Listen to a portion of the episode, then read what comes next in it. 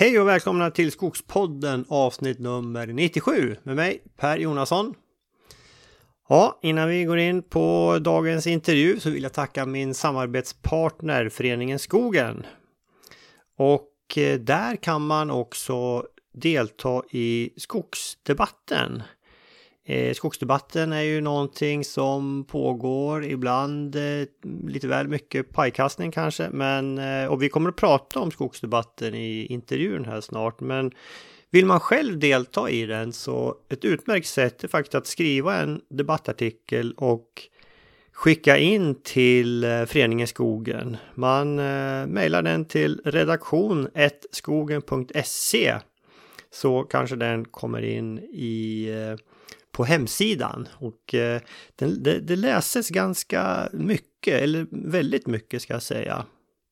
Varje vecka så skickar ju föreningen ut ett nyhetsbrev som heter E-skogen och där länkar man bland annat till debattartiklarna. Så de, där, de läses riktigt ordentligt har jag fått höra. Det kan vara uppemot 40 000 eh, läsningar vissa artiklar. Så det kan vara ett sätt ett, ett bra sätt att eh, delta i skogsdebatten och du behöver inte vara medlem i föreningen Skogen för att eh, skriva de här debattartiklarna. Eh, så gå gärna in på skogen.se och kika där så kan ni se lite tidigare debattartiklar hur det ser ut. Välkommen att bidra med det. Innan ni intervjun också vill jag nämna Skogspoddens sårör. Vi har ju pratat om det en hel del. Det är så vi beskogar våra skogar eh, till stor del i Bergslagen och Småland. Vi glesplanterar gran under en fröträdställning och sen sår vi tall emellan granarna. Och då använder vi Skogspoddens sårör. Numera är det Skogma som säljer eh, såröret. Så gå in på skogma.se och eh, sök på Skogspodden sårör.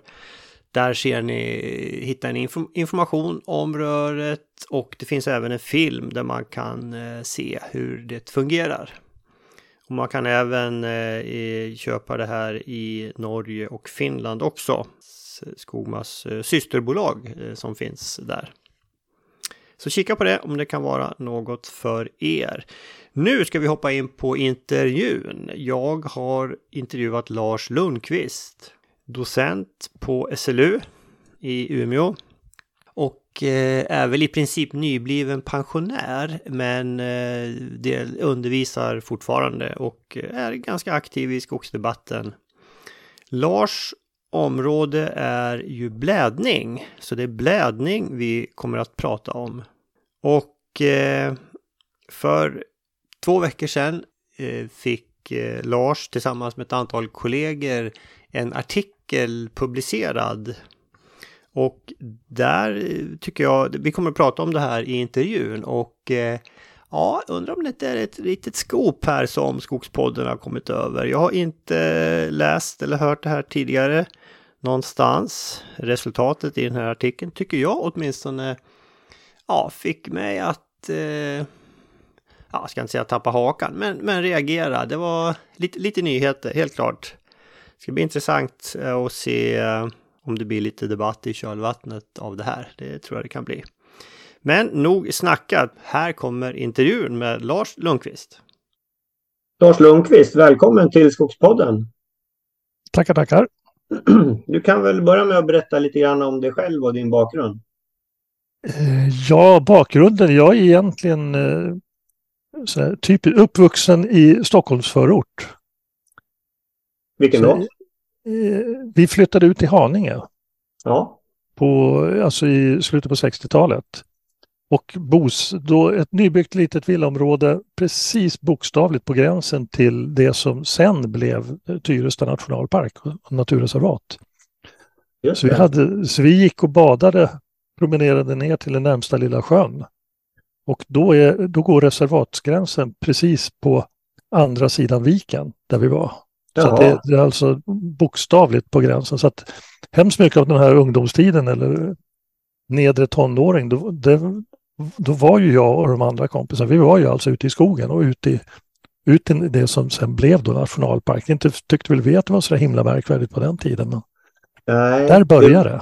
Ja, precis. Det, ble, det var ju först det är ju naturreservat och sen blev det väl eh, nationalpark, eh, de centrala. Från början var det ju ingenting. Det var bara ett friluftsområde äg, ägt av. Stockholms stad. Okej.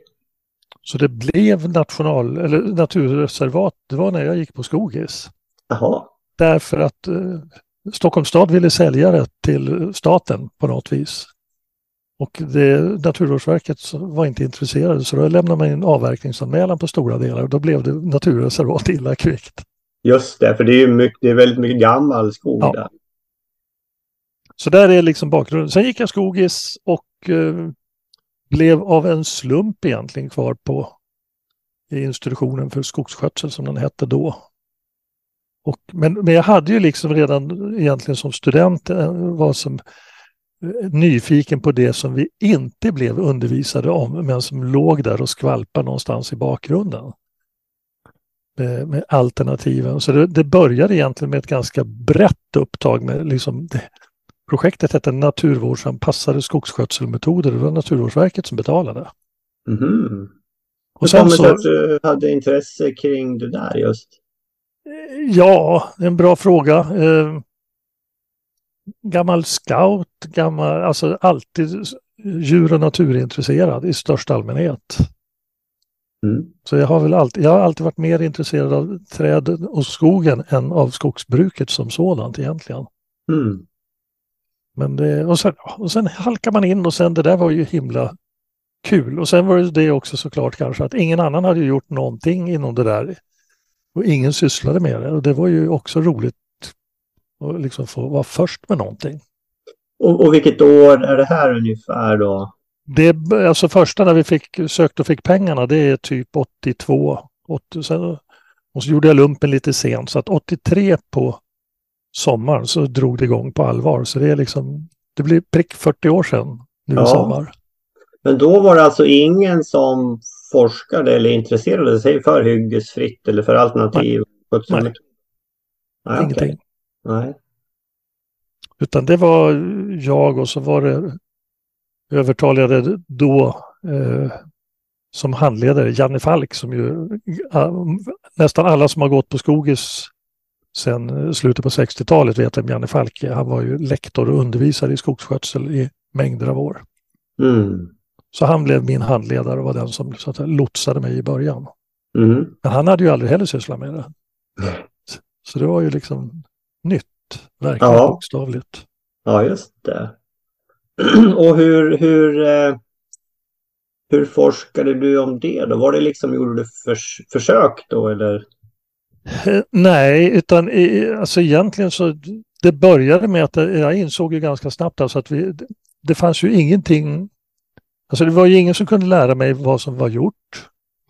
Så jag, och sen hade vi ett institutionsbibliotek så jag satte mig i, där och bläddrade igenom faktiskt bokstavligt alltså band efter band av årgång efter årgång av eh, tidningen Skogen, Norrlands skogsvårdsförenings tidskrift, det som från början hette Svenska skogsvårdsföreningen som blev Sveriges skogsvårdsförenings tidskrift, meddelanden från Statens skogsförsöksanstalt och så, alltså allting som fanns publicerat egentligen. Och så bläddrade jag tills jag hittade någon artikel som jag tyckte det här verkar handla om alternativ och så läste jag det.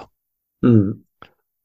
Och sen, och sen likadant då det jag fick tag i på norska och eh, det som var skrivet från Finland med engelsk eller tysk översättning och så var det tysk litteratur och så blev det fransk litteratur och så var det att backa bakåt i tiden till Mm. Någonstans eh, 1870-80 och sådär. Och till slut så började jag liksom, så jag läste egentligen bara i ett år. Oj. Och till slut så började jag liksom få kläm på ungefär och börja ha läst allt det som var gjort bakåt i tiden och kunde börja gå framåt. Och sen satte jag mig och letade efter just det här, alltså finns det några gamla försöksytor? Finns det någonting? Ja, det gör det. Okej, var finns de? Hur ser de ut? Finns någonting av det kvar? Och Mm. likadant sitta i arkiv och leta de gamla inventeringarna och alla de gamla ytböckerna från de här gamla ytorna. Mm. Så det var hemskt mycket bara arkivleta och läsa i början för att få ordning på det. För förstå vad det var, vad det handlar om. Ja. Lyckades du, tycker du, så här i efterhand få ett grepp om det genom de här litteraturstudierna då eller? Ja, därför att en insikt väldigt tidigt det var ju att eh, när man skrev om de här sakerna på den tiden så skrev man ju man använde ju begreppen helt olika. Alltså man menade verkligen helt olika saker ibland jämfört med hur diskussionerna går idag. Så att det gällde ju att förstå liksom kontexten att jaha, när den här personen skriver om det här med de här orden så menar de det här. Medan när den där andra personen då skriver då, då betyder det någonting helt annat. Och, att, och läser man tillräckligt länge så till slut så får man liksom, så lär man sig vad det är de syftar på, vad de menar. Va? Så att det, jo, det blev ordning och reda på det och det efter eh, Sen disputerade jag ju då 89 på blädning. Och ja. så småningom så lyckas jag undervisa även mina kollegor på institutionen. Så att numera så den strukturen som jag så att jag hittade igen, som egentligen går tillbaks till slutet på 1700 eller början på 1800-talet i Tyskland. Den strukturen liksom är, den är väldigt bra och genomtänkt och den, har jag liksom, den lyckas jag få med institutionen på och tänka att ja just det, men det här är, så här är det ju såklart. Så det är, men det är en lång process. Verkligen. Och det ligger till grund då till liksom dagens undervisning eller system? Ja, ja det gör det. Så att, och det är det som är... Jag skrev alldeles här nu i vintras en uh, artikel till Skogshistoriska sällskapets tidskrift. Mm. Eller årsskrift där jag beskriver det här hur man... Det finns ju en, uh, en berättelse inom svenskt skogsbruk att 1950 då gjorde vi liksom någon stor förändring och då införde vi trakthyggesbruk ordentligt och kalhuggning och maskinellt skogsbruk och så vidare. Men, men den är egentligen fel därför att eh, kalhuggning hade man hållit på med långt tillbaks, alltså eh, långt tillbaks på 1800-talet.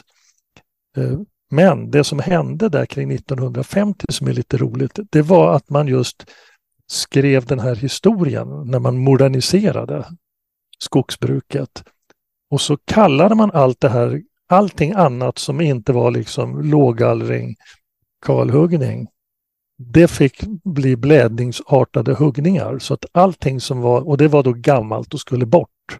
Mm. Så att, och, och, och, i det fanns ju på den tiden då eh, varianter på slutavverkning. Till exempel högallring klassades då som eh, blädningsartad, blädningsgallring.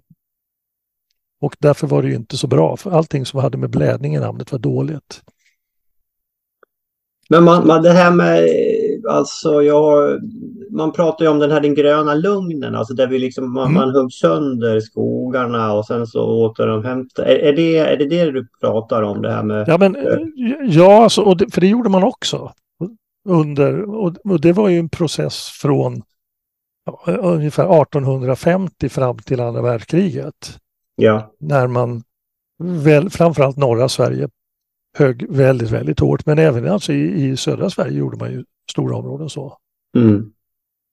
Så att man, man högg väldigt hårt och man var inte ett skvatt intresserad av eh, det vi idag menar med alltså aktiva föryngringsåtgärder helt enkelt därför att det fanns ingen ekonomi i det. Det fanns, inget, det, det fanns ju outtömliga skogsresurser som man uppfattade ja. från början. Just det. Och sen insåg man att det var de ju inte och så måste man så småningom börja göra någonting. Så att restaureringen av delar av Norrlandsskogarna, det, ja det är helt och rätt. Därför att de hade man huggit sönder så pass hårt att man måste göra någonting. Mm. Just det. Men sen fick man liksom ordning på och sen så hade man ju då egentligen man kastade ut allt det här som var gammalt och sen så körde man då ett ganska, jag menar, man pratar om 70-talets kommandoskogsbruk. Alla ska göra likadant. Det stod i lagen vad du skulle göra. Det var avverkningstvång på gammal skog. Du fick inte högallra till exempel. Nej, och allt löv skulle bort i princip. Ja. Mm. Och sen så vändningen då under 90-talet när man luckrade upp skogsvårdslagen och gjorde den till någon slags ramlag istället. Och plötsligt så blir ju väldigt mycket tillåtet. Mm. Så det är ju liksom en, ja. En pendel som har svängt kan man säga. Nu, nu tycker jag, nu, nu blåser vindarna alltså mer och mer mot många som pratar om hyggesfritt och blädning. Mm. Nu för helt klart. Så då, pendeln har svängt tillbaka. Ja, den, och den har svängt tillbaks i, så att säga, i debatten, i diskussionen. För det intressanta är alltså det man idag för fram då som hyggesfritt är i stort sett samma saker som man då före 1900, eller ungefär då på 50-talet klassade då som blädningsartat och som, inte, som man ville bli av med. Mm. Så nu har vi fått tillbaka ett begrepp som är lika otydligt igen, som innefattar allt möjligt. Ja. Så, att, så, så, nu har vi liksom, vi håller på att få tillbaka den här oredan och otydligheten i vad man menar egentligen. Och det, det, det är det vi ska reda ut här idag tänkte jag. ja, innan eh, det här samtalet, jag, jag, jag, var in på Skogsstyrelsens hemsida för att liksom se hur de definierar hyggesfritt. Mm. Och de skriver ju så här alltså, hyggesfritt skogsbruk på skogsmark med produktionsmål innebär att skogen sköts så att marken alltid är trädbevuxen utan att det uppstår några större kalhuggna ytor. Och där pratar man om tre metoder egentligen. Man pratar om blädning, man pratar om luckhuggning med lucka max 0,25 hektar. Det är alltså 50 gånger 50 meter då. Och sen pratar man om överhållen skärm. Där man liksom då ställer mm. ett antal, alltså ganska stort antal, ja, större antal än fröträd och sen eh, avvecklar man det här successivt. Då. Men eh, det måste hela tiden finnas träd som är över 10 meter på marken. Mm. Eh, är det här någonting som eh, är det här, eh, skriver du under på den här definitionen? Är det liksom, känns, känns den rätt och riktig? Ja, det, alltså definitionen, det är ju lite märkligt tycker jag överhuvudtaget med ett begrepp som definieras utifrån vad man inte gör. Ja. För att det finns nämligen ett kriterium till där i Skogsstyrelsens definition och, den, och det är då vad intentionen är hos markägaren. Sant, du, behöver, ja, du behöver alltså inte göra någonting utan du behöver bara säga att du inte tänker kalhugga så bedriver du hyggesfritt skogsbruk. Just det. Och då kan man ju fråga sig, ja då kan jag ju säga att i år så gör jag det, har jag inte tänkt att göra det här. Och, och, men sen om tio år så kan jag säga att ja men jo men nu har jag gjort det där men nu har jag inte tänkt att göra det här. Ja, precis. Så att det, det är ett märkligt begrepp för jag menar all gallringsskog som är över 10 meter hög. Det är ingen som har tänkt att kalhugga den inom överskådlig tid. Nej, det är sant. Så att det, på det viset blir det ett jättekonstigt begrepp därför vad är då liksom, hur lång tidshorisont måste det här täcka? Ja, ja precis. Ja, det blir ju lite så svårt så det är ju och det är väl kanske därför man pratar förbi varandra i debatten. Mm. Delvis.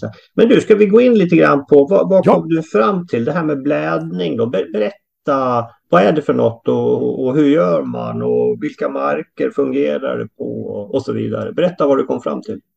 Ja, och det första var ju eh, eh, det är också sån här, terminologi är viktigt, vad saker heter är viktigt därför att annars kan, vet vi inte, annars pratar man förbi varandra. Ja. Och ett av kruxen då som jag upptäckte tidigt, det var att man, det här begreppet blädning. Det användes ju både för varje enskild åtgärd, ungefär som gallring.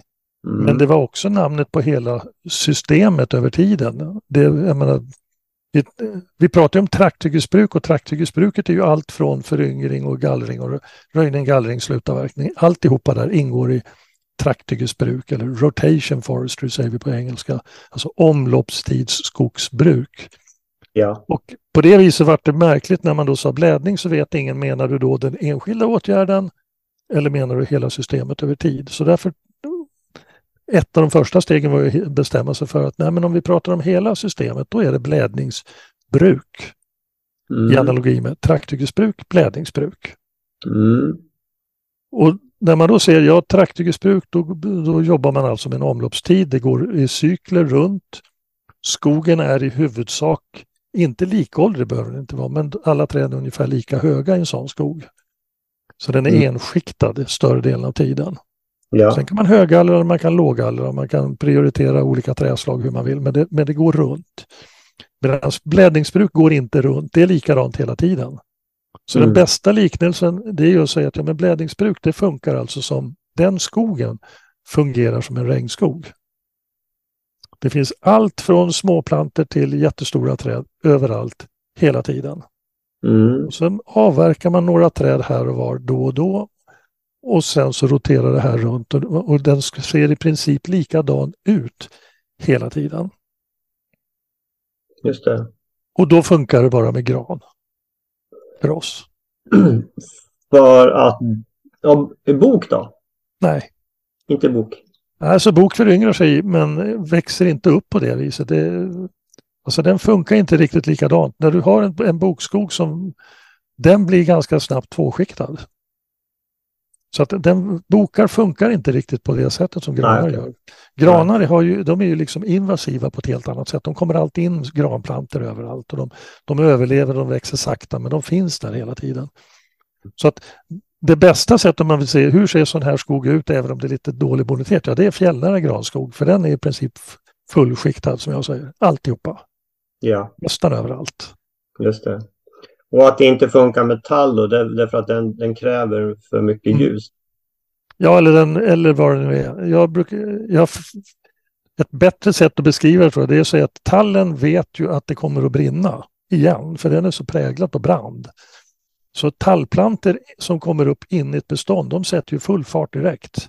De försöker verkligen växa så mycket det går, även när de inte har det är liksom, konkurrensen från resten av beståndet gör att de, har ju, de kan ha liksom ett toppskott som är 5-6 centimeter med glest med barr och sen har de liksom ingenting mer. De, de gör vad de kan för att hinna upp och till slut så dör de.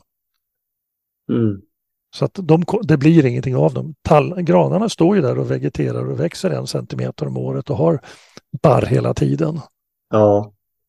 Och sen när de får ljus så, så kan de sätta fart. Då. Ja, egentligen inte ljuset heller. Eller näring kanske? Ja, det är, det är snarare så att när de blir tillräckligt stora för att kunna börja så ta för sig mer så ökar tillväxten sakta, sakta. Men det, men det är en jättelångsam process. Mm. Så det, det, är liksom ett helt annat system, ett helt annat sätt att tänka när man går in och tittar i den skogen. Mm. man kan ju se det om man, om man besöker eh, till exempel eh, Norra Kvills nationalpark. Då, där ser man liksom att det, att det kommer liksom mycket gran underifrån men man, man, ser i princip ingen tall som kommer. Då, för att den har inte möjlighet att komma upp där helt enkelt. Och du har ju sådana granområden, menar, i, i Tyresta till exempel finns ju sån, den typen av granområden, även om det går inga stigar just genom dem tror jag. Men de finns där, jag vet det. Ja, ja. Och det finns, du har ju eh, Fibe urskog uppe upp, i Uppland, likadant. Ja. Med en sån här. Så att de här områdena finns ju. Det finns gott om den här typen av skog i Härjedalen, Jämtland, Västerbottens inland. Mm. De här klassiska, så att säga, lite bördigare eller näringsrikare granområdena nära fjällkanten är ju ofta sådana här. Men du har typiskt, ju... alltså en sån här sak att titta på det är ju just det här att granplanter inne i sån här skog, de, har alltså, de kan göra toppskott på en centimeter, två centimeter. Men de växer lite, lite, lite. Men det gör ju också att de är skitgamla innan de når brösthöjd. Det har ju liksom gått en omloppstid i vanligt skogsbruk innan plantorna ens är uppe i brösthöjd. Ja. Men de överlever och så småningom så blir de stora träd. Ja. Men det, det tar lång tid. Det blir, ja. Eh, de, de, får hög densitet, de blir tunga. Ja, i mitten. För sen ja. växer de ju, ju, vart efter de blir större så blir de ju också, växer de ju fortare. Det betyder att de har ju omvänd årsringsutveckling. De har alltså tätt, mm. täta årsringar i mitten och väldigt breda längst ut. Ja, just det. Så, att det, så det beror på vad gillar man? Vill man ha dem breda längst ut i bräderna eller vill man ha dem var vill man ha det tätt? Det är liksom ja, fel. Ja, precis. Ja, jag vet, jag hade vi har ju en stuga uppe i Grövelsjön och den tomten där är ju ibland, vi har liksom vi har massa träd på tomten då. Och ibland så får man liksom ta bort någonting för det växer igen. Och eh, härom året så såg jag ner någon, det, ah, den där granen den ser inte så stor ut. Jag såg den ner den då. Och det var ju inte, diametern var inte stor men den var så tung, så tung, så tung. Det var liksom, man märkte att den här har inte växt fort då liksom. Mm. Täta årsringar. Jaha, eh, okej, okay, så det är, är blädningsbruk det. Och det... När man, när, man, när man gör det här då, alltså ska man, tar man, tar man de stora, tar man ut de stora träden? Ja. Eller tar du, tar du liksom även mindre också? Nej, alltså igen, förr så sa man, det sa jag också, att sköt lite eh, som en blandning av röjning, gallring och sluta. Nej, men det gör man inte av det enkla skälet att oftast så är ju inväxtningen, alltså i blädningsbruk pratar man inte om föryngring just därför att det tar så lång tid för de här små granarna att, så att säga, komma upp till en vettig storlek.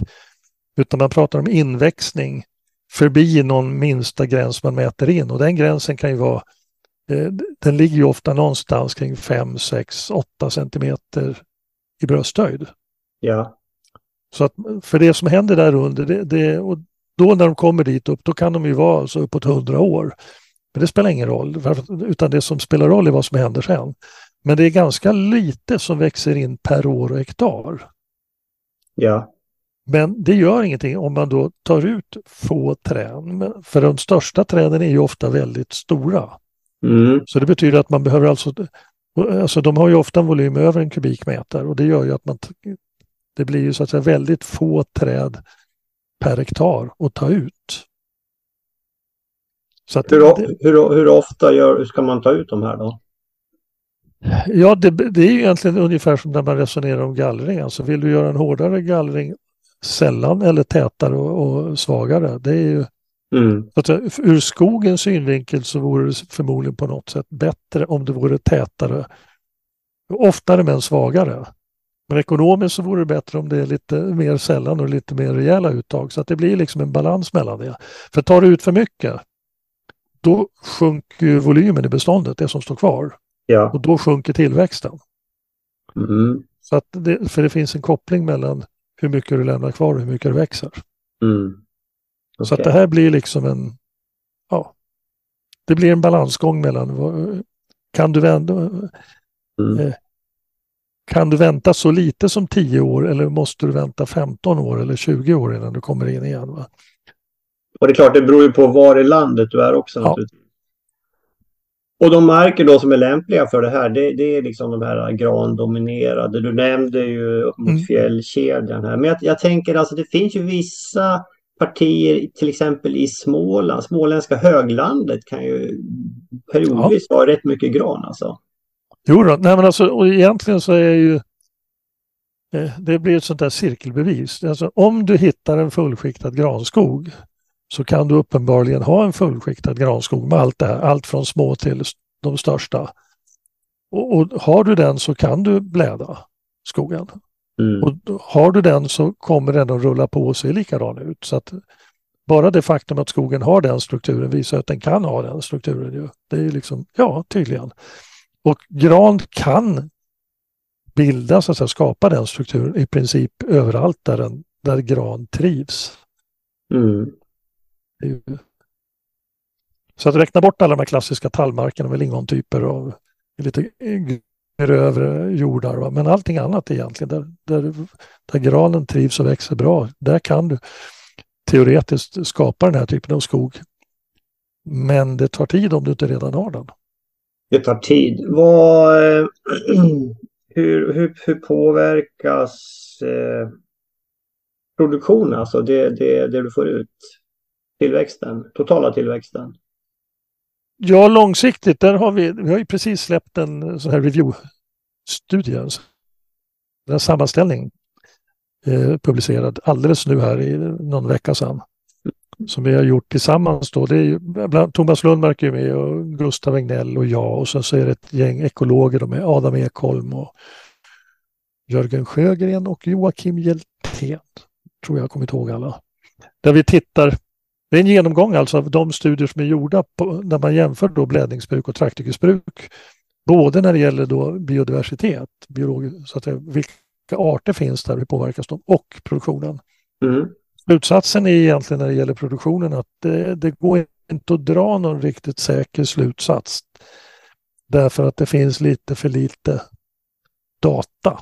Alltså det finns en del som tyder på att blädningsbruk produceras sämre men, men det är inte så entydigt och skarpt som man kanske ibland har sagt. Va? Utan det här är lite mm. inconclusive i vår slutsats. Det är, det är inte klart än alltså. Och, och, frågan är om det spelar någon större roll. Va? Därför att eh, även om blädningsbruk skulle ge några procent lägre hypotetiskt optimalt jämfört med ett maximalt vad du kan få ut i trakthyggesbruk så är det så att vi driver ju aldrig trakthyggesbruk för att maximera tillväxten. Det är ju ingen som håller koll på liksom hur lång ska omloppstiden vara för att jag ska få absolut maximal långsiktig medeltillväxt. Eller vad. Utan vi, vi, ofta slutavverkar man ju när man tycker att ja, men nu känns det bra. Nu mm. behöver vi virke eller nu behöver jag inkomst eller industrin behöver försörjning med virke eller nu, nu är priserna höga. Ja. ja. Så att jag tror att det, det, det egentligen spelar ingen större roll, alltså den här om man någon gång hittar den exakta skillnaden eller, relationen mellan dem. För det är, den är, skillnaden är förmodligen så pass liten så att den är, eftersom vi inte kan hitta den entydigt ens i de studier som är gjorda, så är den förmodligen liten. Intressant, för alltså Thomas Lundmark han har ju tidigare pratat om att eh, det kan skilja kanske 30 procent eh, total tillväxt. Eh, att du får det lägre blädning jämfört med trakthyggesbruk. Ja, jag har ju också sagt det eh, för bara några år sedan här att det, det, det tyder på 20 procent lägre än så att säga maximalt i trakthyggesbruket. Men nu när vi tittar på och har lite fler studier att titta på så är ju slutsatsen den att ja, det kan vi nog inte heller säga. Det här känns som att vi har ett skop här verkligen.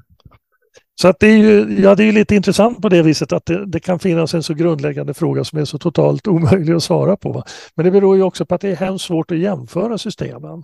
Mm, och det, det, tar väldigt lång tid naturligtvis. Ja, och då kan man simulera. Men om man gör en simuleringsmodell så måste man bygga den så att den klarar båda systemen lika bra och så att det grundmaterialet speglar båda systemen lika bra. Och, och sådana modeller finns inte heller. Så att det här är alltså en det är en jättesvår fråga om man ska ha ett exakt svar.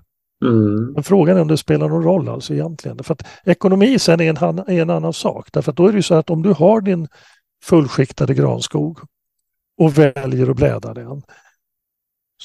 Så har du, då beror det på, är du en enskild markägare med bara lite skogsinnehav eller ett stort bolag med några miljoner hektar? Eller, så att och vad är liksom alternativet till just det här beståndet?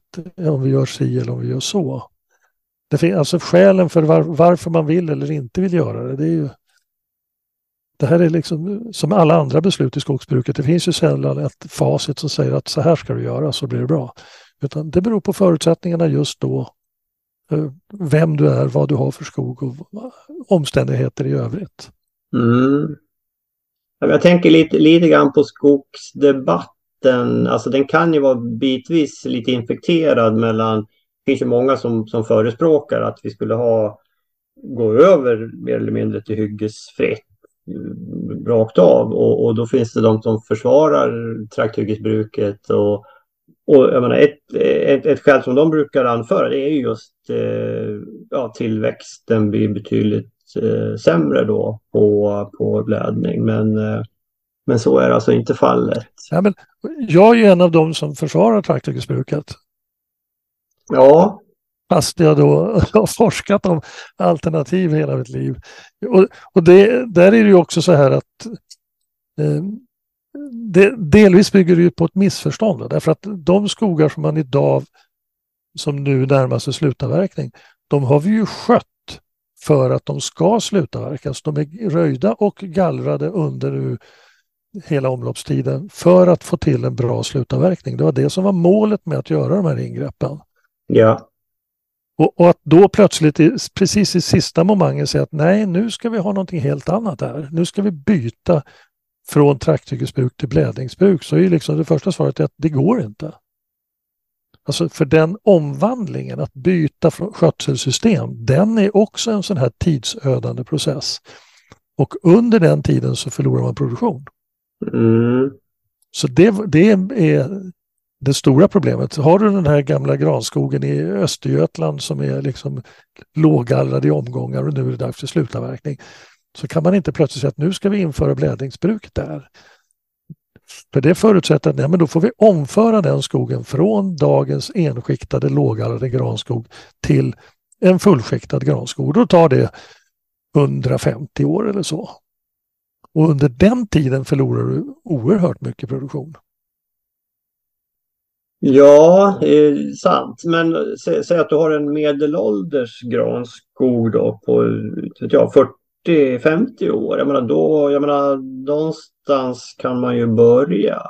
Säg att du tar ja. ut de största och sen... Det, det, hjälper inte därför att det som är kruxet alltid det är ju att eh, du ska ju bygga upp det här igen då det ska komma de här smågranarna som växer långsamt och som så småningom ska bli de här stora träden som du då kan börja bläda.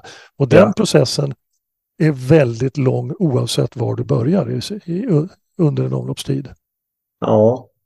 Så att det ja. spelar liksom ingen roll var du börjar. Det, det, kommer alltid ta jättelång tid. Ja, Nej, men det tar lång tid. Men jag menar, det, det, det går och ju. Det blir alltid, ja, det går, men det kommer alltid ta jättelång tid och det kommer att ge tillväxtförluster. Och hur ofta har vi i skogsbruket haft en oavbruten period av hundra år när vi inte har förändrat någonting i övrigt och när vi följer en sammanhållen plan för hur vi sköter skogar.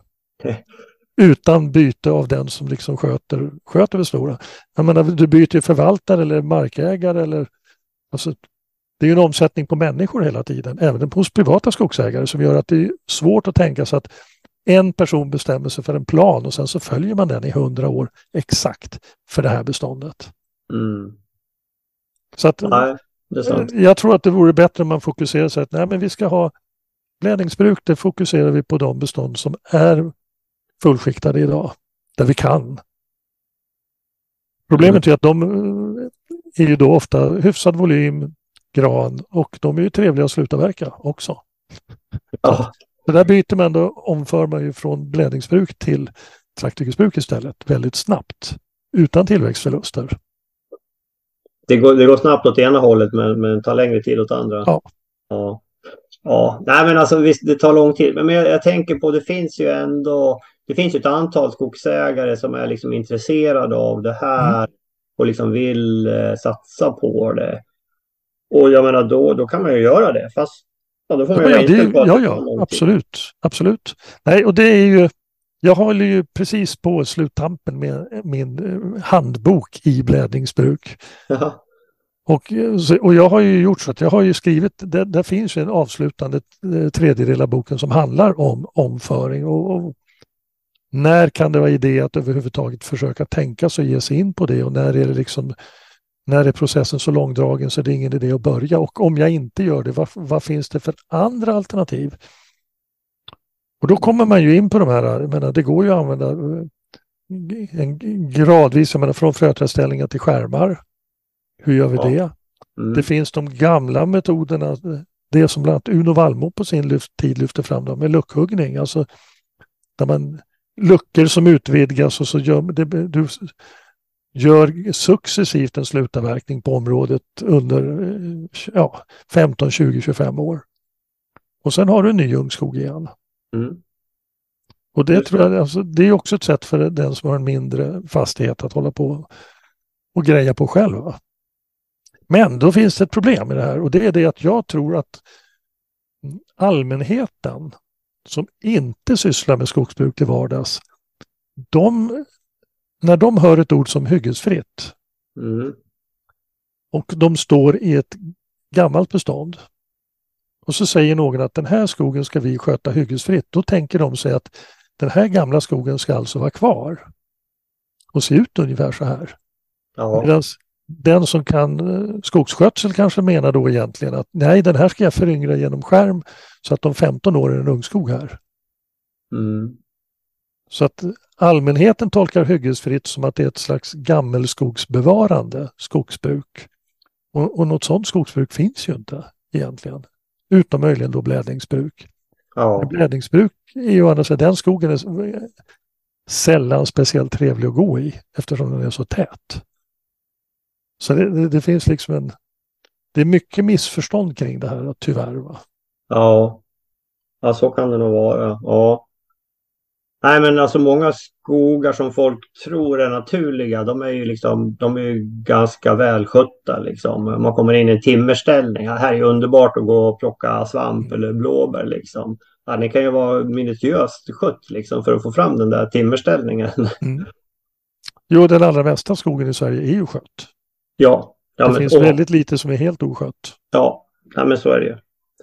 Jaha, men det här var ju väldigt intressant det du säger. Jag hade, det var lite, lite nyheter för mig faktiskt. Men jag har ju, du är ju ganska aktiv på Twitter och där är du ju liksom, jag har ju fått intrycket att du, att du är kanske då lite negativ till gå över till blädning då. Men, eh, och, och det du säger nu det är på grund av att det tar så lång tid. Men att i själva verket så ganska mycket mark skulle kunna fungera då. Ja. Om man skulle se det väldigt långsiktigt i Sverige. Ja, ser man det väldigt långsiktigt, men ser man det lite mer, som jag tänker, realistiskt kortsiktigt, så är det, ja, det är några hundratusen hektar. Så att det är inte det är inte liksom försumbart ingenting, utan det är ju någon procent av skogsmarken redan i Sverige som skulle gå idag. Och ett sånt här område, det som jag brukar för, lite flagga för sådär, det är ju just den fjällnära skogen eftersom det då ofta blir konflikter när man vill sluta verka där. Ja. Så då är ju ett enkelt argument, eller liksom motkommentar, att säga, ja men gör inte det då, du kan ju faktiskt bläda. Istället för att göra ett litet hygge på några, ett, två, tre hektar. Ja men bläda allt du har då. Mm. För att den skogen, hemskt stora delar av den fjällnära skogen är ju blädad bakåt i tiden. Och yeah. den eh, har den strukturen så att det skulle gå att göra det. Det är inga problem egentligen. Nej, Nej precis. Och det, det, det, kanske, det kanske delvis sker också? Delvis sker det eftersom eftersom det inte är någon anmälningsplikt på att göra det. Så att, men, men det vore ju bra med ett tydligare rådgivning för jag tror att det skulle också mildra konflikterna med rennäringen. Ja. I de områden som är grandominerade, men du har ju hela Västerbottens inland eller just upp mot fjällkanten. Som, ofta är eh, viktiga områden för rennäringen. Och om man då låter bli att sluta verka och istället säger att ja, men vi bläddar alltihopa. Mm. Och det betyder att då kommer vi tillbaka, då finns stickvägarna där till nästa, när ni kommer tillbaka, så stickvägarna växer ju aldrig igen så de kommer ju alltid vara där. Och det är ju det underlättar ju för skoterkörning kanske i de här områdena. Det finns ju tydliga skoterstråk. Ja. Ja. Man, får, man, får, prata med markägare och lägga stickvägarna åt rätt håll där de har nytta av dem. Ja, just det. Men det finns väl, jag antar att det finns även lite blödning i södra Sverige eller mellersta Sverige också? Jo, det gör det alltså. Vi gjorde ju, nu är det börjar vara ganska länge sedan, det börjar ju vara snart 30 år sedan det gjordes någon ordentlig, ett försök från att med riksskogstaxeringsmaterial hitta de här skogarna. Men de finns ju även nere i Mellansverige, alltså i, ja, och det är väl kanske då framförallt det du sa förut, alltså småländska höglandet. Just det. Du hittar inte då mycket om du tänker Västergötland, Östergötland och Mälardalen heller kanske. Men sen så utan du måste till de här lite mycket privat mark och där det är mycket gran.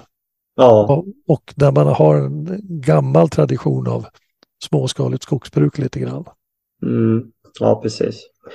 Eh, andra saker då, om vi, om vi tänker oss då, om vi har en skog då med att det bara blir gran. Jag tänker lite grann när det gäller mat för viltet. Alltså vi får ju mm. inte så mycket bäris och dylikt på marken. Ja, nej, ja det blir ju den blir alltså, alltså den, den, här skogen blir inte riktigt likadan som en sån här tät likåldrig granskog faktiskt. Nej, utan, eftersom okay. den, den, utan, men däremot så har du ju absolut mindre vilt mat på det viset att du får ju inte upp en en massa asprön, sälj in i det här eftersom Alltså tittar man i de här skogarna så hålls de så att säga produktionsmässigt täta och bra. Då blir de ju ofta för täta så att då kommer ju inte de här lövträden upp överhuvudtaget i det här. Nej. Men, men då får man väl ha alltså, det blir omvänd naturvårdshänsyn istället för att lämna hänsynsytor där man sparar lite av den gamla skogen på ett hygge så får man göra luckor in i den här skogen där det kommer löv för att hjälpa upp det istället. Det blir omvända, ja. precis omvända förhållanden. För att den här skogen behöver ju också naturvårdshänsyn. Ja. Den behöver ju hjälp att spara grov död ved till exempel. Om du avverkar kontinuerligt alla grova stora granar så blir det ingen grov död ved. Nej. Att man behöver ju se till att den delen också finns kvar då till exempel. Så, att det, men det, det, så det finns mycket kvar att tänka på om man ska få det här att fungera bra. Det är ingen universallösning som gör att det blir automatiskt jättebra direkt. Ja, just det. Det krävs planering och eftertanke. Ja, men helt klart. Eh, finns det andra saker som kan påverkas? Ja, vi har varit inne lite grann på den biologiska mångfalden då, att det kanske liksom blir mera ett träslag och sådär. Jag tänker på det här med granens rotröta. Hur, eh, finns det risker att man, att man får in det, att det, att det kan öka? Ja, det absolut. Och där är det, det är väl det som är så att säga, det här stora eh, ja, frågetecknet. Vi har ju aldrig, varken vi eller någon annanstans, har ju drivit ett helmekaniserat blädningsbruk under längre tid. Nej. Så att å andra sidan så är det väldigt få träd som avverkas. Så att, jag menar, att behandla stubbarna är ju en skitsak, det är ju skitenkelt. Stickvägarna är samma stickvägar. Så det gäller att tänka efter när man lägger dem första gången för de blir kvar, de växer inte igen. De har inte Nej. en chans att växa igen.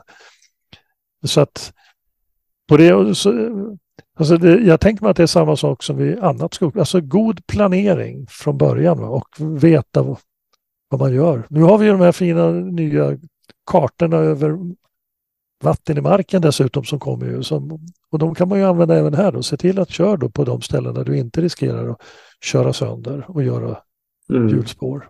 Mm. Just det. Ja, intressant. Ja, men ty tycker du att, eh, att, vi, att vi bör öka arealen då med, med eh, blädning eller hyggesfritt? Alltså, nej, ja, alltså det är ju så här. Möjligheten finns. Vi har skogar som där det skulle kunna användas och delar av dem, typ den fjällnära, där det också blir konflikter.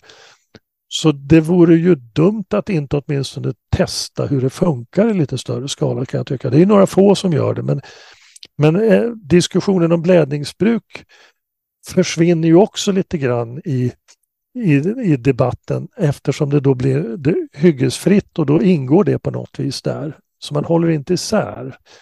Och det är det som jag kan tycka är lite synd och det jag är lite orolig för det är att när det nu diskussionen handlar om hyggesfritt, det, det blir det det handlar om och sen så kommer det ske saker som inte fungerar bra. Mm. Och min rädsla är ju att det kommer bli igen då en sån här backlash. Saker och ting har en tendens att gå i cyklar. Så att om 20 år så kommer man tycka att det här var skit. Och så är vi tillbaks ungefär där man var då på 1940 och 50-talet och så tycker man att det här var inget bra det här slänger vi ut igen. Och så gör man om och, och då åker allting ut en gång till. Va? Ja. Så det jag har försökt är ju liksom att uh, hålla isär vad ni pratar om. Och därför så gillar jag ju egentligen inte alls begreppet hyggesfritt eftersom det inte säger vad man gör. Mm. Det säger bara Nej. vad man inte gör. Just det. Nej, så prata om blädningsbruk för sig på de markerna där jag passar. Prata om skärmar om det ska vara. Och sen så är den tredje diskussionen i hyggesstorlek. För det är det man har satt den här gränsen, 50 gånger 50 meter. Ja, men det blir ju också ett litet bestånd som måste skötas för sig. Ja. Och hur blir det då framöver när vi har en massa små bestånd på 40 gånger 50 och 40 gånger 40 meter och 50 gånger 50 meter. Och de här ska då röjas för sig och de ska gallras på något vis och det ska planeras och det, det blir ett otroligt komplicerat skogsbruk på sikt av det. Ja, det, det blir det arbetsamt, helt klart. Mm. Nej, men jag, jag läst eh, Skogsstyrelsen skriver ju det här att anledningen till att man liksom för in luckhuggning och överhållen skärm jäm, jäm, jämte blädning är väl att eh, ha, ta fram alltså, hyggesfria metoder där tallen har en chans. Mm det, det, är, det är väl syftet, eh, antar jag. Ja, och jag menar tallen har ju en chans på hyggen eftersom den kräver hyggen i princip för att kunna föryngra sig. Den, den måste ha ganska öppen mark. Ja. Det är det den är anpassad för. Eh, skärmarna där är ju kruxet att eftersom kravet som de har ställt på att det ska vara, du måste ha skärmen kvar tills föryngringen är 2,5 meter hög. Ja. Och sen får du då glesa ner den till, men du måste ha kvar 25 träd tills den är 10 meter hög. Och det är ganska stora marker i det här landet där det inte fungerar med tall. Det, kommer, alltså, det är för tätt. Du kommer aldrig få upp en 2,5 meter hög tallföryngring överhuvudtaget under den. Nej. Alltså Nej. om du tar norra Sverige så, kan du, så får du inte upp en tallföryngring om fröträdställningen är för tät. Nej. Nej, det är sant. Och, och där, jag menar, om du, om du spar om du spar stora tallar på ett hygge och sen drar upp en skog under, jag menar det som är liksom närmast de fröträden eller, eller de som är kvar, det, det, där blir ju ingenting. Nej. Eh, Så är det ju. Ja, så det, det är väl kanske en metod då som kan minska produktionen gissar jag. Ja, det ska bli intressant att se för det som händer och det, det finns ju dokumenterat. Det är ju klassiskt att du ställer en tallskärm och så kommer det gran under. Ja, Men då blev det ju ett träslagsbyte och det kanske inte var det som var syftet riktigt. Så det blir, det blir lite bakvänt på det viset. Eh, Men är det så då att du egentligen rekommenderar blädning som den metod eh, om, om man vill hålla på med hyggesfritt? Nej, jag, jag skulle säga att om man har en fullskiktad skog och, vill testa någonting så gör det. Men, men det är fortfarande så, jag, jag är ju, eller, eller var i huvudsak tidigare då, eftersom jag i princip har gått i pension. Så är ju, men jag, alltså min roll som forskare är ju att tala om vad man kan göra. Ja, Och vad konsekvenserna blir om man gör det ena eller det andra, inte vad man ska göra. nej. Alltså det, det, det är ju fortfarande så att det måste vara upp till den enskilde markägaren att bestämma utifrån sina egna förutsättningar. Ja, men. Men, men jag kan tala om att om du försöker göra det där så kommer det inte att fungera. Men om du däremot gör så här, ja då kommer det fungera som du, som du hade tänkt. Ja, ja men absolut. Och det är ju anledningen till att vi har en så stor mångfald. Det är ju att vi har 320 000 markägare som, som, som, som gör på, på sitt sätt. Ja, och sen så säger man då att ja, men det är industrin som styr. Nej, alltså det skogsbruk vi har idag, det är ju ingenting som skogsindustrin har hittat på, utan det är ju faktiskt så att det är skogsforskningen i vid mening som så småningom under första halvan av 1900-talet kom fram till att det här är ett bättre sätt att sköta skog av biologiska skäl. För man såg hur, vad som hände när man testade dåtidens variant av hyggesfritt och sa att det här fungerar inte i stora delar av Sverige. Så vi måste göra på ett annat sätt. Mm. Och då försökte man hitta någonting som var robust och någorlunda enkelt. Och som alltså du måste ha något som fungerar praktiskt. Och sen så blev en del av det inte riktigt bra och då anpassar man det idag och så gör vi fortsätter man ju anpassa och modifiera trakthyggesbruket. Mm. Och sen har du då områden då med fullskiktad granskog och där kan den som vill testa blädningsbruk. Just det. Ja, men det är intressant. Och det var väldigt intressant det här du berättade, det ni skrivit om eh, att, att, att ni inte sett några större skillnader i, i produktionsförmåga. Det, det är ju klart intressant. Eh, Mm. Det, det är en nyhet för mig. Du, var, var hittar man det här om man vill läsa det här? Den finns på, den är publicerad hos Forest Ecology and Management tidskriften. Så det finns ingen enkel svensk version utan bara den vetenskapliga säga. De kan vara lite tunglästa har jag en känsla av. Ja, den är väl bitvis tungläst men den är ju den andra halvan av den handlar ju om biodiversitet och biologisk mångfald och, och där visar den ju att ja, det finns stora skillnader men, naturligtvis mellan ett, eh, tillståndet i den äldre skogen och tillståndet på ett hygge. Ja. Medan däremot om du har, eh, bedriver ett blädningsbruk så ser man ingen större skillnad efter att du har gjort en blädning och innan du gjorde blädningen. Utan, men bristerna som vi har sett också där, det är att det finns väldigt få studier som jämför sen hur ser det ut i gallringsskogen, Mm. den äldre gallringsskogen. Alltså hur återhämtar sig de här olika arterna så småningom i den uppväxande skogen i trakthyggesbruket? För det, det är ju, man, har, man jämför inte hela omloppstiden utan man tittar då oftast precis vid, i samband med slutavverkningen. Mm. Så att det, det är en annan del av det, att det, där finns mycket mer att göra där Ja, på just den det. sidan. Just det. Hur ser du med eh, alltså man, man pratar om skogens klimatnytta, alltså koldioxidinlagringen. Om, om det är ungefär samma produktion i blädning och trakthygge, då antar jag att kolinlagringen är densamma också ungefär.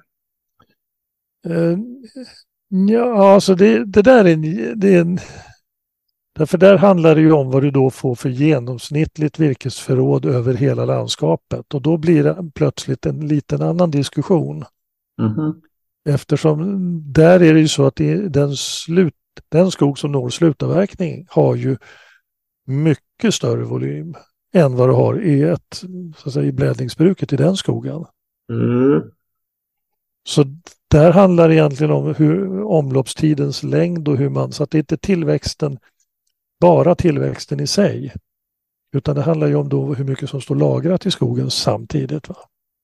Men, men tillväxten den spelar roll sen när vi pratar om det här med att ersätta andra varor va? med biologiskt material och så vidare.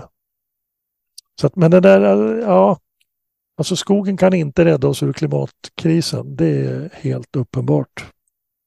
Kan den inte? För mig, nej, alltså vi, eh, när man tittar på de Nej, alltså tittar man på de stora siffrorna och så ser man hur mycket, det här har jag försökt lyfta fram också, alltså den globala avverkningen idag, mm. alltså allting vi avverkar i hela världen innehåller ungefär en miljard ton kol. Men olja och stenkol som vi bränner upp varje år innehåller 10 miljarder ton som vi då tillför atmosfären kretsloppet på nytt. Så att även om vi skulle stoppa all avverkning i hela världen mm. så, skulle det liksom, så hjälper liksom inte det. det är, det är så pass lite på marginalen och vi måste ju ha någonting att leva av. Vi behöver allt. Vi behöver ju trä för alla möjliga ändamål. Så vi, så vi kan inte sluta avverka helt och hållet. Nej, jag tänker, jag tänker då, nästan tvärtom. Jag tänker att skogen ska ersätta Aha. det fossila. För den, den effekten är ju större än mm. liksom själva uppsuget ur atmosfären. Jo, men, men det är likadant där. Vi kan inte, alltså vi kan inte producera, vi kan inte öka avverkningen med alltså tio gånger. Nej. Nej, det är alltså... Och, och sen ska man komma ihåg alltså att hälften av det som avverkas ungefär i världen, det är alltså brännved som folk behöver för att de behöver elda för att hålla värme och laga mat. Och... Mm. Ja, precis. De då... människorna, där handlar det om fattigdom som måste avhjälpas för att de ska kunna ändra på det. Ja. Så att det här är, det är en annan, skogen kommer inte rädda oss ur klimatkrisen. Det, det krävs ensam i alla fall. Den krävs Nej, mycket. inte ensam men det, man får ändå se det som en, en eh, en, en del av lösningen. Ja, ja. Nej, men den, den, måste bidra och vi måste få använda skogen till allt som vi behöver den till. Va? Ja, för, för substitutionseffekten ja. är ju den är så pass stor. Eh, ja. Jag menar, all, all olja och kol vi kan lämna kvar i marken är ju liksom, den, den ligger bäst där. Japp. Ja. Eh, bra, intressant. Eh, du, vi nämnde ju lite grann att du är ju aktiv i skogsdebatten på, på Twitter. Vad, vad anser du liksom om skogsdebatten i Sverige just nu? Att det är väldigt många som tycker väldigt mycket utan att egentligen kunna speciellt mycket. Och det, det var egentligen därför jag började, jag råkade notera på Twitter att eh, folk som uttalar sig och sen så har de liksom rent i sak fel därför att de inte kan och inte vet. Och då och så kunde jag inte låta bli då som gammal eh, lärare att säga att så där är det inte, utan det är så här. Mm. Och det, men de här, och det, det är det någonstans jag hoppas att jag, även om ibland brister även mitt humör, men folk som borde veta bättre eh, skriver dumheter och folk, jag hoppas ju någonstans att folk vill lära sig mer. Mm. Att, de ändå, att det finns en nyfikenhet, att man vill lära sig. Det, det, det, tror jag att det gör. Ja, sen, sen Twitter i sig kanske inte är liksom det mest optimala stället nej, men... att föra en, en, en, konstruktiv dialog på. Nej, nej, nej, men samtidigt så är det ett ställe som där det går. Jag har ju presenterat den här uppsatsen också då, till exempel, en reviewartikeln där. Mm. Det är ju sätt också att visa sånt som kommer fram. Va? Mm. Så, ja, men det, det, så det är... Mm. Men den offentliga debatten annars, nej, men ofta är det ju, kan jag tycka, att det är, det är ganska låg kunskapsnivå hos väldigt många som tycker väldigt mycket. Och man, man kan väldigt lite just om skogsskötsel. Hur reagerar träd och bestånd när man gör si eller så? Hur sköter vi skogen? Varför sköter vi skogen som vi gör? Varför, varför ser skogsbruket ut som vi gör?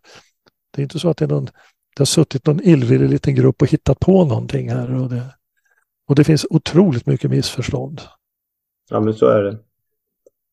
Eh, Okej, okay, jag, jag, har faktiskt missat den här uh, review eller den här uh, artikeln, uh, men det ska jag kolla upp den. Det, jag har faktiskt inte, har, det, har, har den skrivits om i skogstidningarna? Jag har inte sett Nej. någonting. Nej, men den kom ju i är det, två veckor sedan. Okej. Okay. Det, den är helt, vi har jobbat hårt med den för att få ut den. Nu den, det, den, den är precis nytt. Den, det har knappt hunnit torka bläcket än där. Ja. Nej, och SLU har inte heller, jag vet inte om det är någon av författarna, vi är som så utmattade efter att ha fått den i land äntligen. Så att vi har inte heller varit på någon informationsavdelning här och att de ska skriva någonting om den heller vad jag vet. Och de Nej, har inte det, själva sett den. Har, har, eh, har ni hunnit få några reaktioner på det liksom, i forskarvärlden? Nej, alltså det är ju inte Alltså det, det, borde, det är inte så kontroversiella data tror jag egentligen. Alltså det, det visar problemen med att eh, modellera, det visar alltså problemen med att ekologiska studier ofta saknar uppgifter om hur skogen faktiskt ser ut som gör att man kan koppla de studierna till studier av produktion och skötsel till exempel. Det, det finns en del sådana här andra resultat som inte är så publikdragande så att säga, men som är viktiga ur vetenskaplig synpunkt i det här också. Mm. Så, så det finns en del. Jag tror att eh, på sikt så kommer det nog ha effekter, men det, det är sådär långsiktigt. Forskning är en långsam process. Som, det får ta sin tid, saker och ting. Men det är väl ändå lite eh, en, en nyhet att liksom produktionsförmågan är ungefär lika. För det har ju, det, det har ju varit, tycker jag åtminstone, som någon sorts eh, vedertaget att man har sagt att du får ut 20-30% mindre om du blädar jämfört med mm. Men, men det finns, har inte funnits några tydliga, alltså riktigt bra vetenskapliga studier som visar det. Och det är det vi egentligen också visar, utan det här är någonting som har ja, fingertoppskänsla eller någon som har gissat eller antagit eller så har vi sagt att ja, men vi tror kanske att det är så här. Mm. Och därifrån så har det blivit att det är så. Och nu kommer det då den här som säger att vi vet inte, det går inte att visa det. Mm. Ja, intressant. Eh, helt klart. Man får väl ändå säga här att eh, miljörörelsen får en poäng här. De, eller den, den, de som har liksom förespråkat och ja, fast... det finns ju de som, som säger till och med att ja, men det, är liksom ännu, det blir ännu mer produktion om du blädar och det blir billigare och skonsammare. Ja, fast samtidigt så är i och med att, och det är ju artikeln också väldigt tydlig med, du har fortfarande den här begränsningen att det här gäller ju för fullskiktad granskog som du blädar.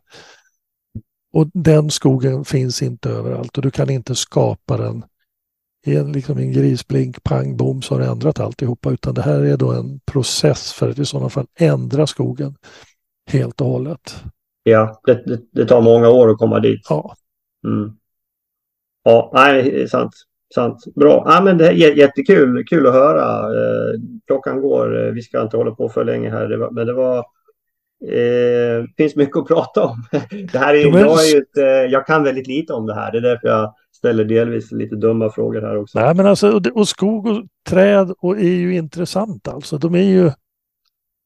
Ofta är det ju så att vi ser ju inte träden det är mycket vi inte ser därför man, man är så van vid det. Va? Men man börjar tänka och fundera och varför ser det ut så här? Och, så det, de upphör sällan att förvåna.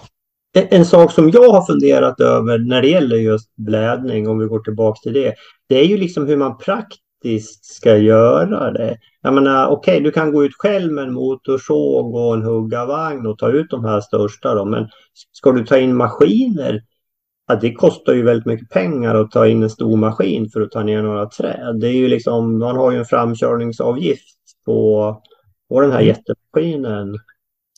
Jo, jo, nej men och det, och det är ju å andra sidan så gör man ju det när man gallrar. Ja. är att här får du ut eh, samma eller något större volym och i få stora träd. Så att det är ju en snabb operation.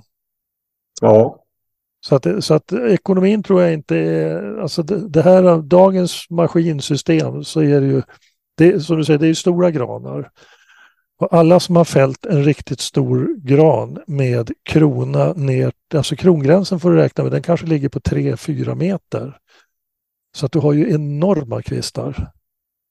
Ja. Så att det är hur mycket, alltså det, att hantera det här för hand. Nej, det, det är tufft. Det är gigantiskt, alltså det är ju skittufft alltså. Ja. Så att jag menar, och med moderna skördar så att inte tar, alltså de, de är ju, de slinker in och plockar det där ganska fort och sen så kör man vidare till nästa objekt. Mm. Så att jag, då- jag tror men inte då- att ekonomin är någon, efter, eftersom du tar, du kan ju ta ett större område. Det är Ja. det som är poängen. Jo, om du har en stor skog då. Men jag menar, Mm. du ska in med du ska in med stor skördare var tionde, var femtonde år då och, och, och ta ut ett antal träd. Ja, nej men visst. Det, det kanske går. Jag tänker det- gallra, det gör man ju en eller två gånger. Ja, ja, men, sen, men då har du å andra sidan också en markberedning och förmodligen en plantering och en röjning. Ja, Som man inte heller har här. Utan du har ju bara den här. och De kommer dit och Ja. plockar ut. Och tänk, tänker man sig då i det fjällnära området. Där, ja, men du kanske inte jobbar med 1 och 2 och 3 hektar utan 10 och 20 hektar. Som du sveper över vart 15 år och plockar ut Mm.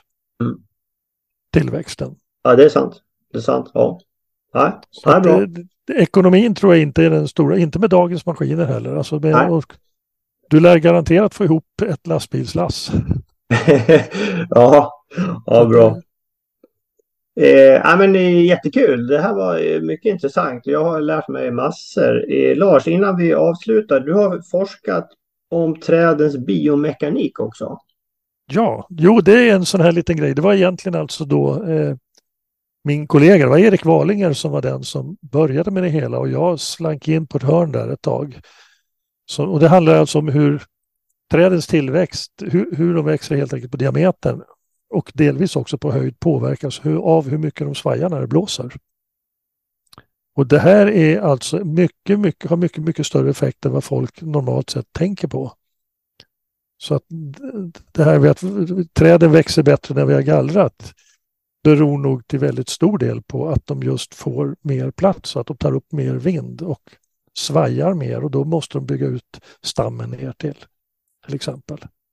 Jag har gjort, eh, haft studenter som har gjort examensarbeten som kan visa att eh, det är så att när det blåser så ökar vindens hastighet upp för en sluttning.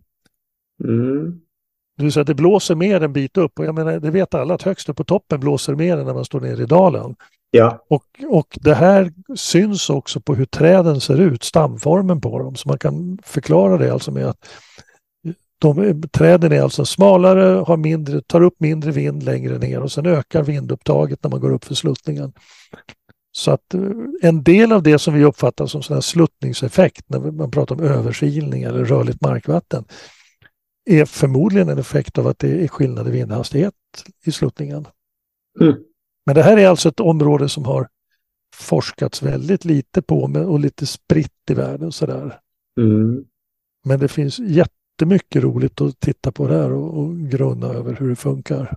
ja. det, här är, det, är, det här är också helt nytt för mig. Men menar du ett träd då som, som, som rör sig mycket, som svajar, att det liksom får, eh, att, att det, blir, det bygger på mera För att inte gå Ja, ner till, ja, ner till.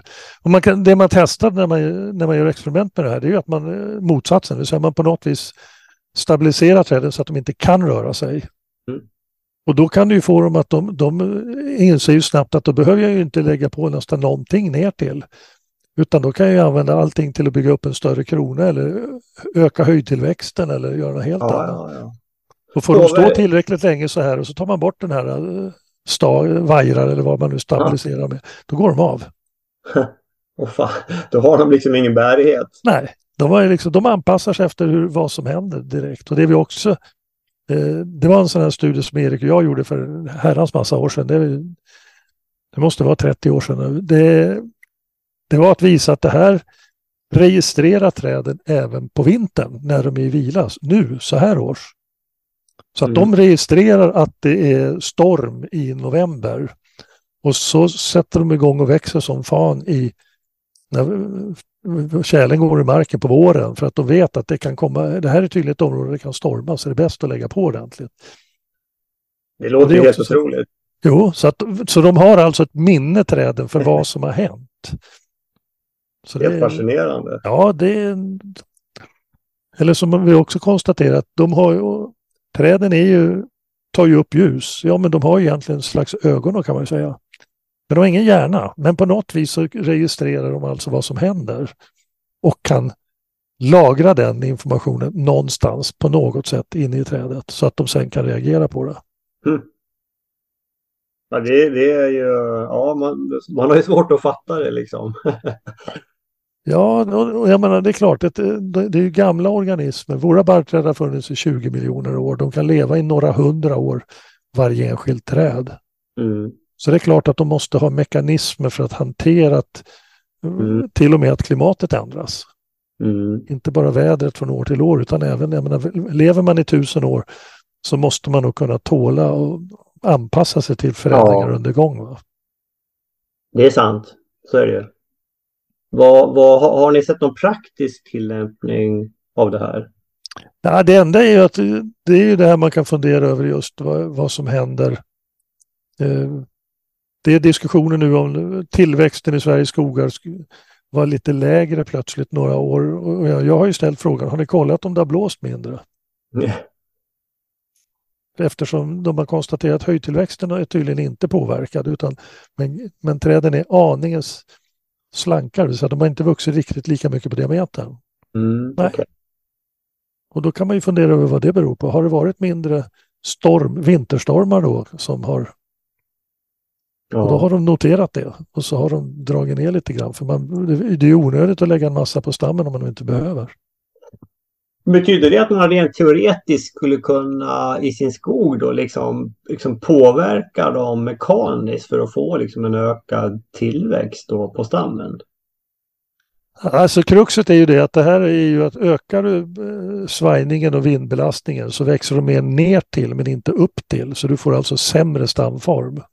Ja, okej. Okay. Och, och, det finns också eh, experiment som eh, våran sedan länge pensionerade professor Björn Elving la ut där man gjorde väldigt hårda gallringar. Och i de värsta försöksleden där, där slutade ju träden helt att växa på höjden därför att de ratallar. Eh, för de hade ju fullt sjå med att försöka stabilisera stammen, för det här var alltså de undertryckta träden. Oh, ja. Så de jobbade hårt för att stabilisera stammen innan de så småningom sen kunde börja växa på höjden igen. Ja, ja. Så att det handlar nog mer om en, att öka förståelsen för att bland annat också på sikt kunna modellera skogen bättre vad som händer. Mm. Man kanske ska väga in eh, topografin i våra produktionsmodeller ja. för att få en bättre precision. Just det. Jag tänker lite grann, alltså vi brukar ju så tall och då kan man, då kan ju tallen växa väldigt tätt liksom. Mm.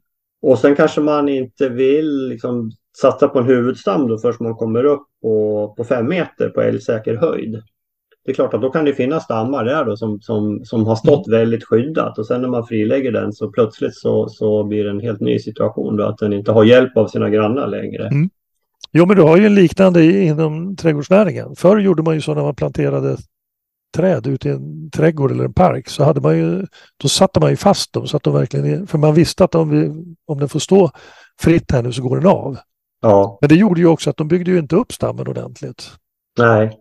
Så att man, man fick ju liksom fortsätta staga dem i all evighet nästan. Men, så nu gör man ju inte riktigt på det sättet utan nu har man ju så att de måste kunna få röra sig och svaja lite lagom. Ja. Så att de ändå bygger upp stammen och, och blir starkare. Man får inte hålla på och köla dem för mycket liksom. Nej. Jaha, nej men vad kul Lars. Eh, jag tror vi får börja runda av. Är det någon avslutningsvis här, är det någonting som du vill skicka med till, eh, till landets 320 000 privata skogsägare? Något om, eh, in, inom, inom blädning kanske? Mm, ja, det, när jag får boken klar så kan den som gillar blädningsbruk, den är ju tänkt som en konkret handbok så att jag kan inte undervisa alla som vill lära sig. Men då finns i alla fall möjligheten att lära sig själv. Mm. Så att det, och förhoppningsvis nu, jag ger ju kurs åt Skogsstyrelsen, åt rådgivare hos Skogsstyrelsen. Så förhoppningsvis så kommer de också kunna eh, komma med bättre råd när det gäller blädningsbruk framöver. När vi, de som har gått kursen. Ja. Det, det tar tid att ställa om hjärnan när man ska tänka blädningsbruk för det är hemskt mycket som fungerar annorlunda. Ja. Men, men det är bara att det får ta den tiden och så får man tänka efter och lära sig. Det, det, finns ju, det finns ju mycket att läsa på Skogsstyrelsens hemsida. Det finns ju lite filmer att kika på också på mm. Youtube och sådär. Du, när, när kommer den här boken då? Ja, så fort jag bestämmer för att den är klar och sen så måste jag bestämma också hur jag ger ut den, om jag gör det själv eller hur jag gör. Och det har jag inte bestämt än. Eller om de ska gå via något bokförlag om de är intresserade eller inte. Men vi, vi får se den under året? Ja, det tänker jag mig. Ja. Bra. Nej, men du, vi håller utkik efter den Lars. Det, det blir intressant att läsa. Ja, jo, det lär väl komma. Och den dagen den är ute så lär jag väl säga det också på Twitter, att nu finns den. Ja, absolut. Säkert. Ja, men det, den, den ska vi läsa, absolut. Stort tack Lars för att du ville vara med på intervjun här och eh, vi kanske får eh, återkomma. Det är många intressanta frågor här. Ja, tack själv.